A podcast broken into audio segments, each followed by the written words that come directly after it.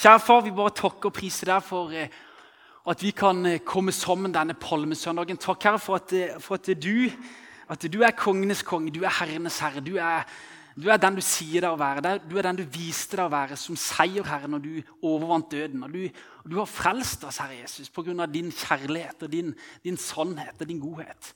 Vi bare ber om at du må være med denne stunden nå, Jesus. Takk for Sara. Må du velsigne henne eh, sin inngang nå. Så må du være med henne hele livet, Herre.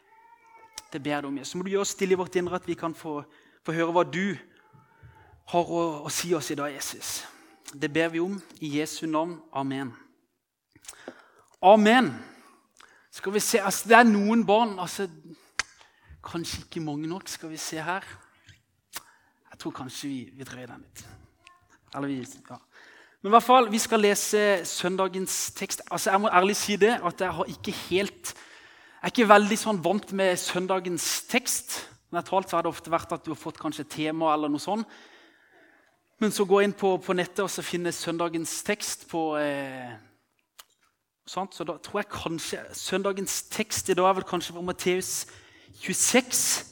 Men igjen så er det jo, for da står det evangelietekst, så står det fortelling, fortelling, fortellertekst.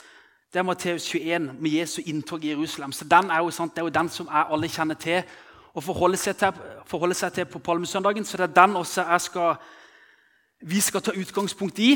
Matteus 21, fra vers 1 til 17. Og der vi skal stoppe litt. Det er mye, mye å ta tak i. Vi skal innom en av lesertekstene fra Romerne som vi hørte her.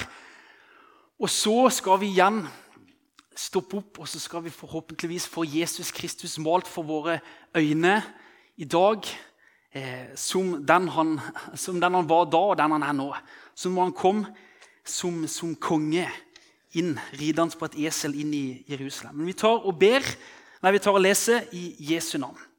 Fra Matteus 21, fra med vers 1. Da de nærmet seg Jerusalem og kom til Betfrage ved Oljeberget, sendte Jesus to disipler av sted og sa til dem.: Gå inn i landsbyen like foran dere. Der skal dere straks finne en eselhoppe som står bundet, og en fole sammen med den. Løs dem og lei dem hit til meg. Hvis noen sier noe til dere, skal dere svare, Herren har bruk for dem. Da skal han straks sende dem. Men dette skjedde for at det skulle bli oppfylt, som var sagt ved profeten. Si til Sions datter, se din konge kommer til deg, ydmyk, ridende på et esel, på trelldyrets fole. Disiplene gikk da av sted og gjorde som Jesus hadde pålagt dem. De hentet eselet og folen og la kappene sine på dem, og han satte seg på dem. Mange i den store folkemengden bredte kappene sine ut på veien. Andre hogg greiner av trærne og strødde på veien. Folkemengden som gikk foran, og de som fulgte etter, ropte og sa:" Hosianna, Davids sønn! Velsignet være Han som kommer i Herrens navn! Hosianna i det høyeste. Og Da han dro inn i Jerusalem, kom hele byen i bevegelse, og de spurte hvem er dette? Og folket svarte, dette er profeten Jesus fra Nasaret i Galilea. Og Jesus gikk inn i Guds tempel og drev ut alle dem som solgte og kjøpte der. Og han veltet penge, pengevekslernes bord og duekremmernes benker, og han sa til dem.: Det står skrevet, som vi også hørte i leseteksten, mitt hus skal kalles et bønnens hus, men dere gjør det til en røverhule. I tempelet kom det blinde og lamme til ham, og han helbredet dem. Men da yppersteprestene og de skriftlærde så de undergjerningene han gjorde, og barna som ropte i tempelet, Hosianna, Davids sønn, da ble de harme. Og de sa til ham, Hører du hva disse sier? Men Jesus sa til dem, ja. Har dere aldri lest fra småbarns og diebarns munn, har du beredt deg lovprisning? Og han forlot dem og dro ut av byen til Betania, og der overnattet han.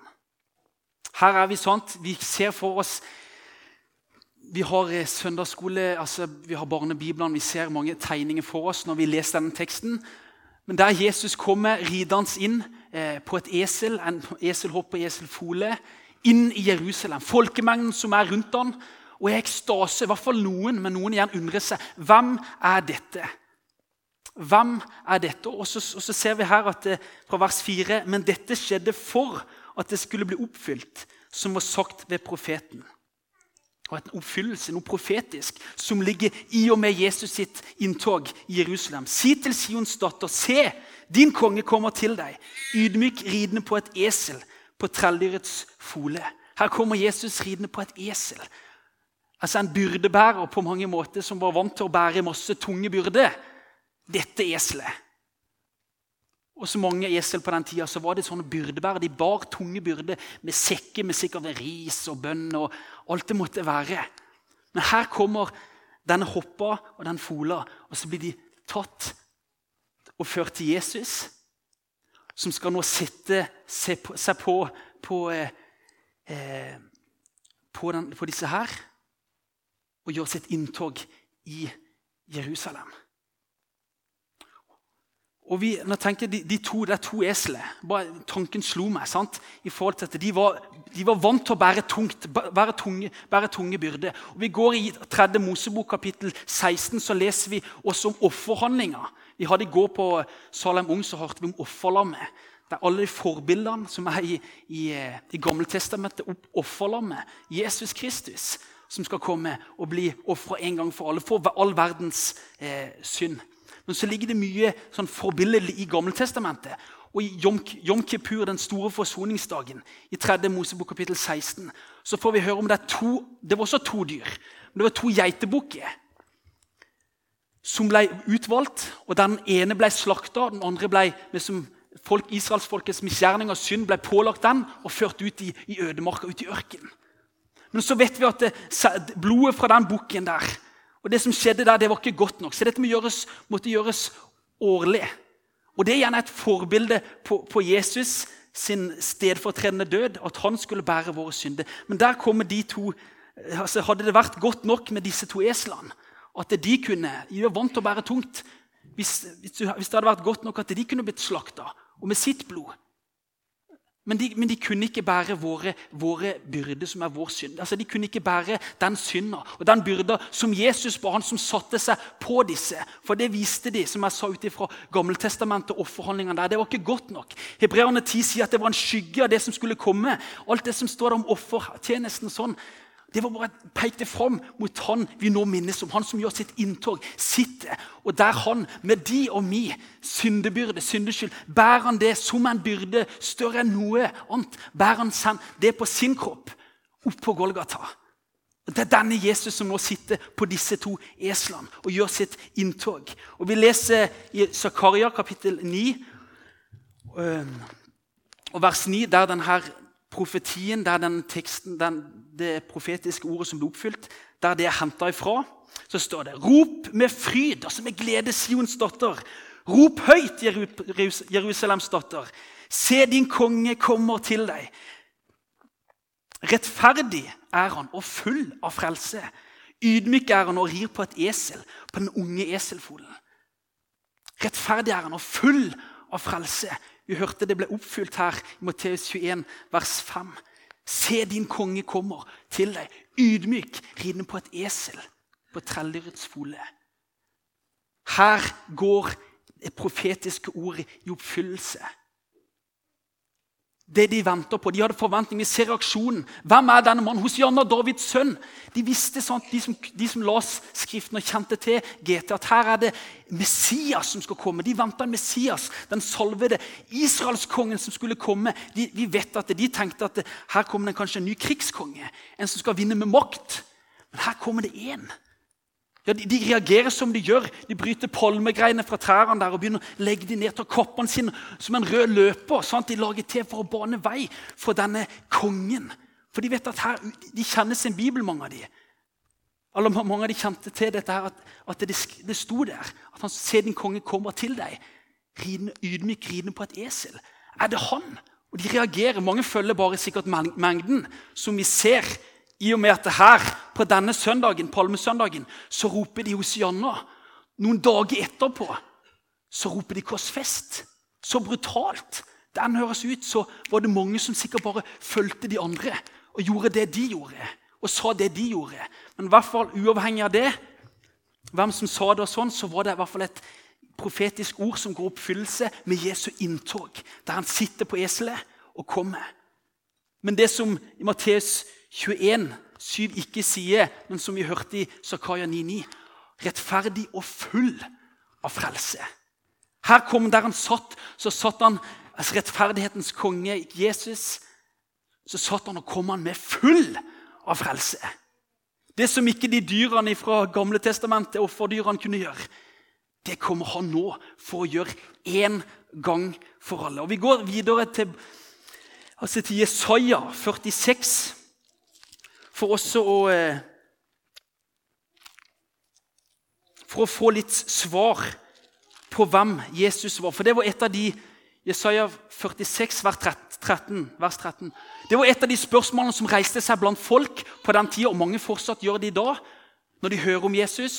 Eh, men det, folk når de så reaksjonen der i, i, bybildet, sant, i gatene Folk stimla seg rundt ham. De begynner, sant, vi har hørt at de brøt av greiner fra palmetrærne kappene sine. Bante vei for denne her som satt på et esel. Og så er det likevel så kommer det blant folk, folkemengden. Hvem er dette? Hvem er denne mannen? Jo, den profeten Jesus fra Nasaret.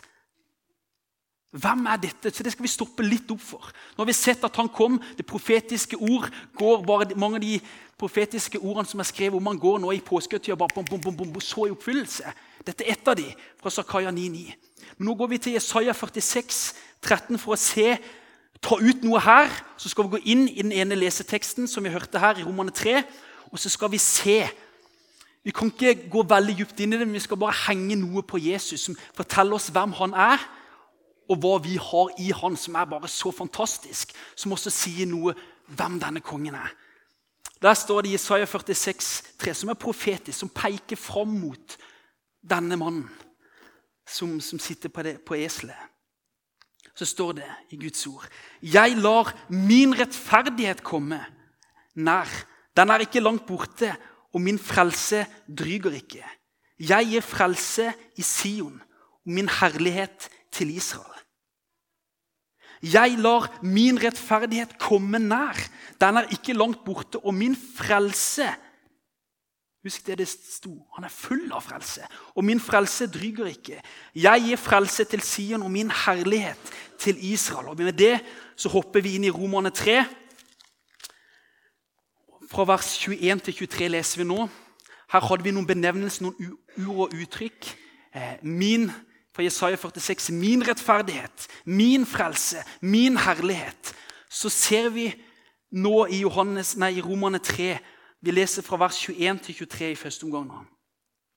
Men nå er Guds rettferdighet, som loven og profetene vitner om, blitt åpenbart uten loven. Det er Guds rettferdighet ved tro på Jesus Kristus, til alle og over alle som tror. For det er ingen forskjell. Alle har syndet og mangler Guds herlighet. Det siste verset først. Alle har syndet og mangler Guds herlighet. Alle har vi synda.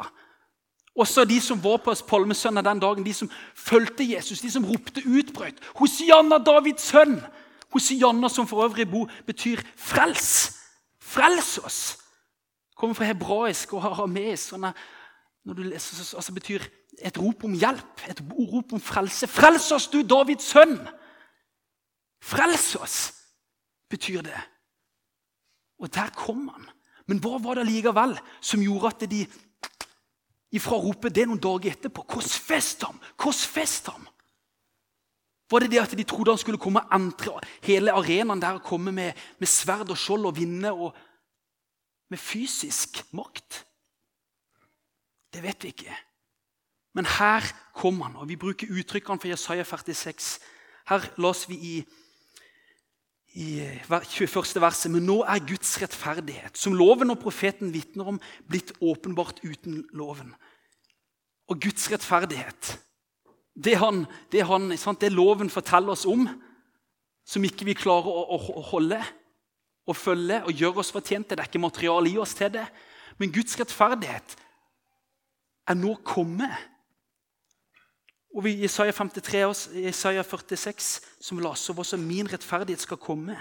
Men nå er Guds rettferdighet, som loven og profetene vitner om, blitt åpenbart uten loven. Det er Guds rettferdighet ved tro på Jesus Kristus til alle og over alle som tror. Guds rettferdighet. Vi ser også ut ifra 1. Korinterne 1, 30. Hvem den rettferdigheten er. Det er snakk om her. Her står det i Johannes 1, 30. For det er hans verk, altså Guds verk, at dere er i Kristus Jesus Han som for oss er blitt visdom fra Gud, rettferdighet, helliggjørelse og forløsning. Guds rettferdighet, min rettferdighet, altså Guds rettferdighet, den, han, eh, den, den gir han oss i og med Jesus Kristus.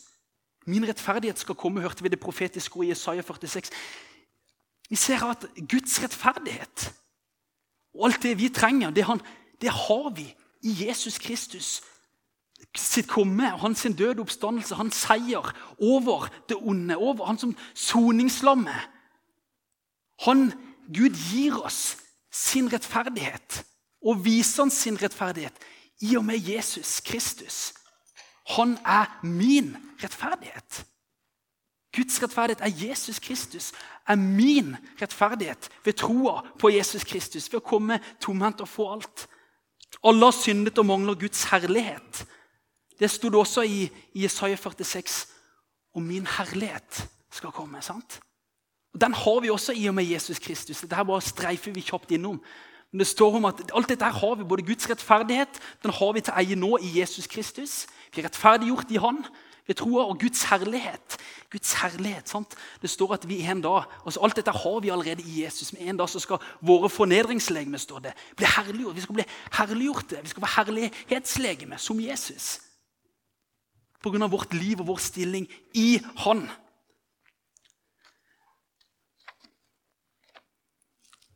Og så sto det også i, i uttrykket i Isaiah 46 min frelse. Nå har vi stoppet opp for Guds rettferdighet. Han sa min rettferdighet. Guds rettferdighet. Jesus Kristus. Min herlighet, Guds herlighet vi møter her, det har vi også i Jesus Kristus. Og min frelse, uttrykket fra Isaiah 46, det har vi også i Jesus Kristus. For å bare se nå, så går vi inn i Lukas 2, for dette her er fantastisk. Der vi ser at, at vi snakker om evangeliet, når vi snakker om frelsen og Guds rettferdighet, og blir rettferdiggjort, så peker alt på han som kom ridende inn som Israels konge. Se, din konge kommer til deg. Altså, Det er evangeliet som kommer til folket der. Evangeliet det er en person og det han har gjort. Det er Jesus Kristus. For se når vi leser i Lukas 2, fra vers 25, Simon i tempelet, så ser vi bare det er bare med å understreke det vi nå snakker om. Og se, det var en mann i Jerusalem som het Simon. En rettferdig og gudfryktig mann. Han ventet på Israels trøst. Og Den hellige ånd var over ham. Det var åpenbart for ham den hellige, av Den hellige ånd at han ikke skulle se døden før han hadde sett Herrens Messias. Altså Israels konge. Den som, Davids sønn, som de ropte etter. Han kom til tempelet drevet av ånden. Da foreldrene kom inn med barnet Jesus for å gjøre med ham som skikken var etter loven, tok Simon ham i armene sine, lovet Gud og sa, 'Herre, nå kan du la din tjener fare herfra i fred, etter ditt ord.' For mine øyne har sett din frelse. Uttrykket 'din frelse' det har vi. Han har sett, Det er Jesus Kristus som er Guds frelse, som er min frelse, min frelser, min rettferdighet. Jesus Kristus. Min herlighet har jeg, altså Guds herlighet har jeg i Jesus Kristus. Og Guds frelse har jeg i Jesus Kristus. Der han kom ridende inn denne palmesøndagen. Hosianna, Hosianna, ropte de. Ikke lenge etterpå var det korsfest ham. Korsfest ham.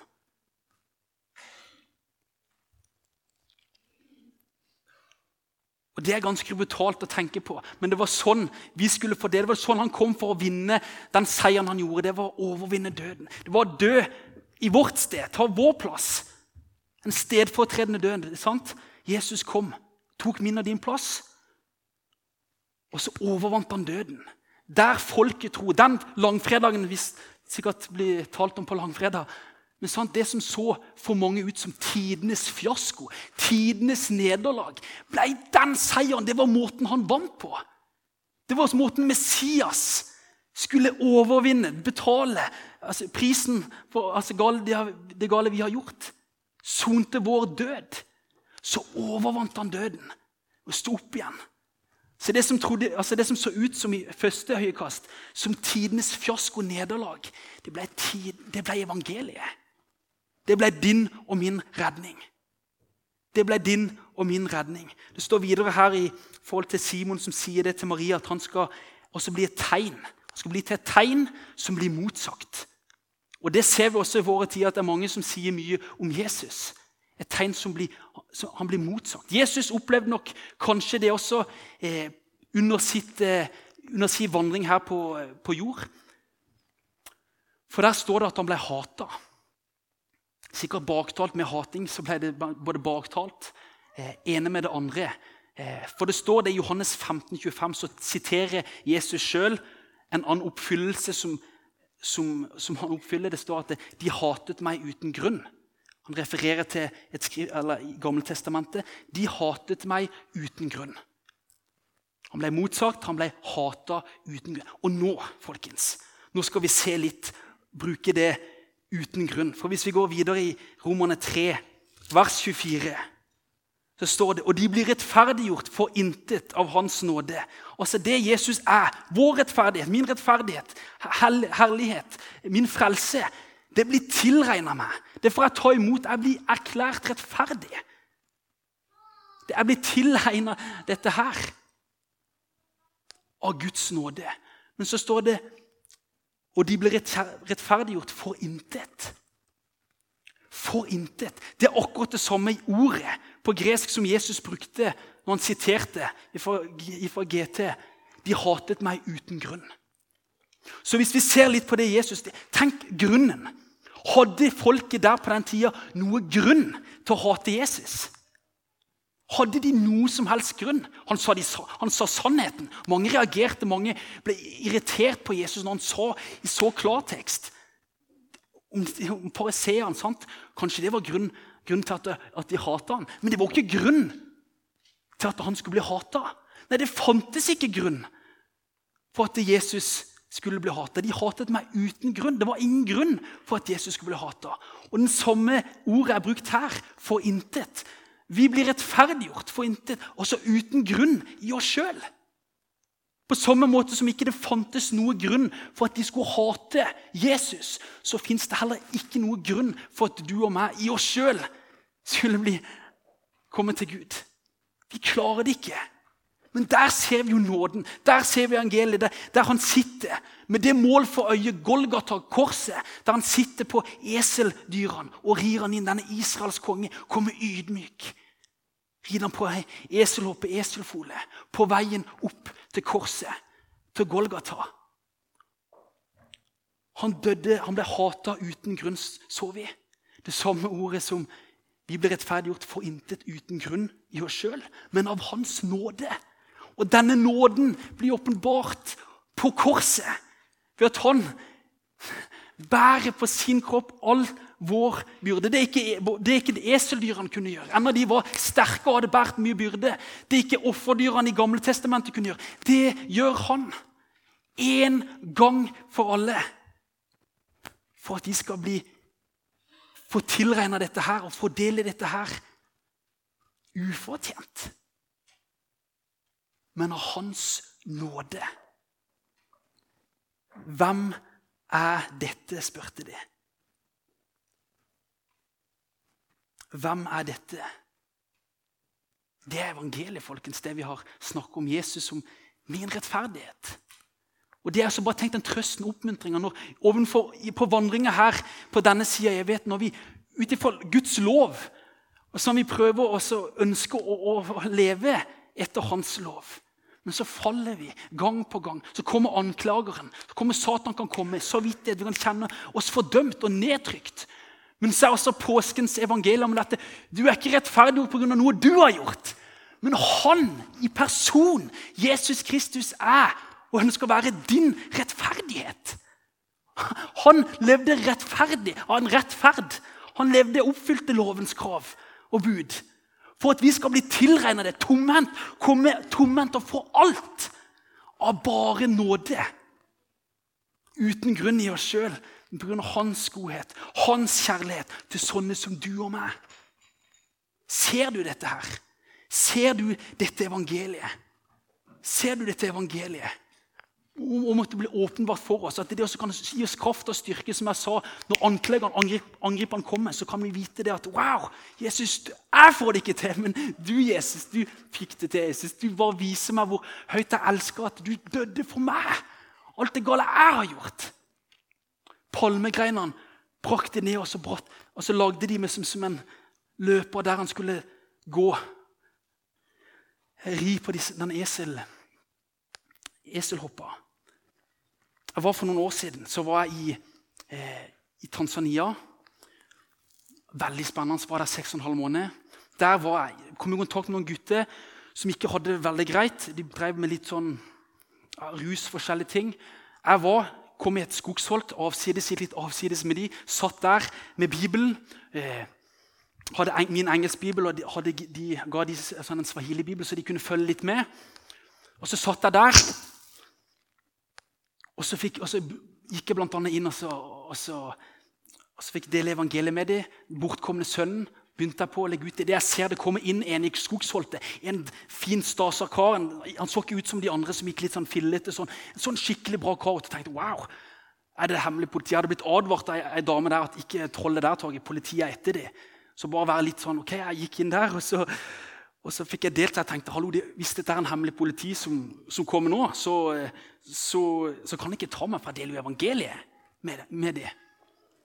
Men så, så begynte denne karen han satte seg ned, var litt sånn skeptisk i begynnelsen. Så begynte han etter, etter hvert, den som så, han, han som var fint eh, drest, og så han begynte å sitte og begynte å bli veldig wow. Det begynte å åpenbare om Guds kjærlighet, Guds evangelie, det vi har fått høre nå.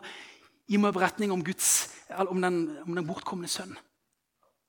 Og Så bare ble han mer og begynte å stille spørsmål. Så viste det seg at han var kanskje en av de som ropte Hosianna.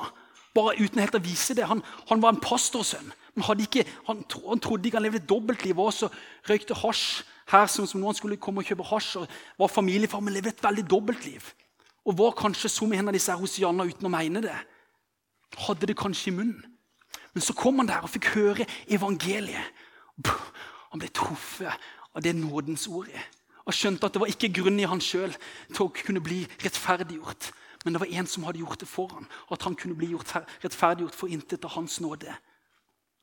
Så den kvelden det begynte å bli mørkt, så gikk vi litt lenger inn i skogsholtet under et, palmetre. Apropos palmegreiene, det var ei palmegrein som lå der.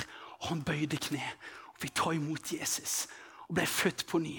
Fikk del i denne gleden og dette håpet som vi nå har blitt minnet om. Snakk om at det skjedde for ham. Du, så han ble møtt evangeliet. Helt avslutningsvis så kan vi bare gå til Romerne 1,16. Nå har vi hørt sånt evangelium Israels konge sitt komme. Da han kom ridende på et esel, to eseldyr.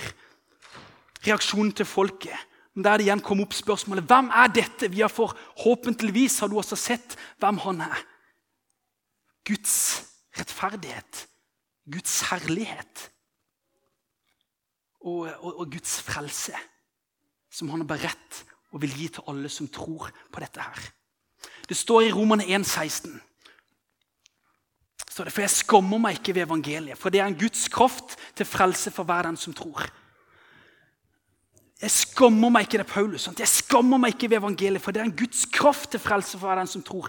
Det, jeg synes jeg, det, det ordet kraft, dynamis, det er akkurat det samme ordet som brukes som dynamitt. Sant? Kraft. Sant? Det, Guds, altså det kan sette synde, altså sprenge lenkene våre. Sant? Det kan gjøre at vi blir født på ny. At det, det, er så uendelig stor kraft i evangeliet.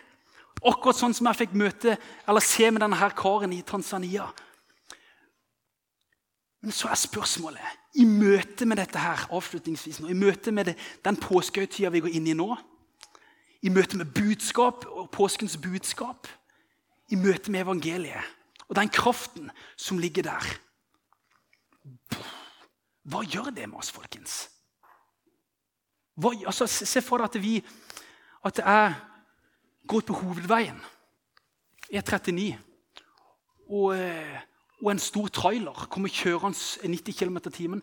Jeg står der, skal stoppe den, tror jeg er som skikkelig sterk i egen kraft, og står der og blir meid ned. For det er en mye større kraft. Men hva, vil jeg være den samme i møte med den kraften?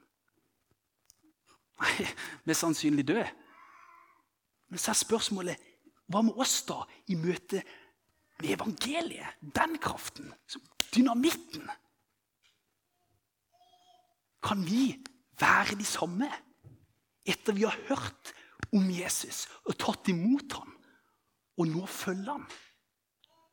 Går det an at vi er de samme? Jeg bare stiller meg sjøl det spørsmålet som til dere.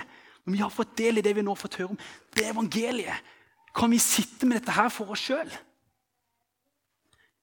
Jesus ga de, altså disiplene ga oppdraget her i Matteus 21. Jeg er helt på, tampen her nå. De, sånt, de, han, han, ga de oppdrag om å hente disse her eselyrene. Disiplene gikk da av sted og gjorde som Jesus hadde pålagt dem. I noen kapitler etterpå så får vi Matteus 28, som vi også hørte litt her. Og vi vet at Disiplene gikk av sted og gjorde det som var pålagt dem. De gikk jo, og Pga. de sin lydighet mot evangeliet, den kraften de hadde blitt møtt av og blitt forvandla med, så har evangeliet kommet til oss de gikk ut i hele verden. Og Det samme er det med oss også i forhold til Stavanger by, i forhold til Store, i forhold til folk vi jobber med. Den, vi, kan vi klare å sitte med dette her for oss sjøl? Skulle ikke det vært noe som vi kunne, For Jesus ønsker at vi skal gi det videre. Fortelle om dette her. At vi skal leve et annerledes liv. Ja, Jesus sa som jeg sa, Jesus ble hata. Når verden hater dere, sier han i forkant så skal, vite, så skal dere vite at han har hata meg før dere. Når verden hater dere. Ja, vi vil bli hata, du og meg som har tatt imot Jesus, og denne verdens ånd. Men stopper vi av den grunn? Eller er evangeliet den radikale kjærligheten vi har fått del i? Er det sånn at vi må bare fortelle det videre, og at det også kan være det som samler oss sammen? Nå er det en dåpssøndag, det er sikkert mange som bare er gjester her. Men igjen, når vi kommer sammen i Salem, er det det vi samles om for å bli utrusta, for å bli kraft og motivasjon inspirasjon til å gå ut og være lydig det budskapet Jesus legger på oss. Fordi vi har fått del i en så stort som er så mye større enn det ord klarer å beskrive. Er, ikke det, Jesus, er det ikke det påske handler om? Kjære Gud, bare ære og prise deg. Takke deg for, for, at den du er, Jesus. Takke deg for at du er, du er, du er min rettferdighet. Du er min herlighet. Jeg skal en gang bli herliggjort. Altså for herlighetslegeme som deg, Jesus, når jeg kommer hjem. Og kjære Jesus, og du er min frelse. Som Simon fikk se din frelse, som han sa til deg, Gud. Så vi kan se din frelse. Du er frels, frelseren Jesus. Du er evangeliet, Jesus. Det, den du er, det du har gjort. Og i møte med den kraften der så blir vi forvandla. Vi blir født på ny, Jesus. Og du kom ikke på grunn at vi hadde gjort oss fortjent til det. Men du kommer for å redde oss.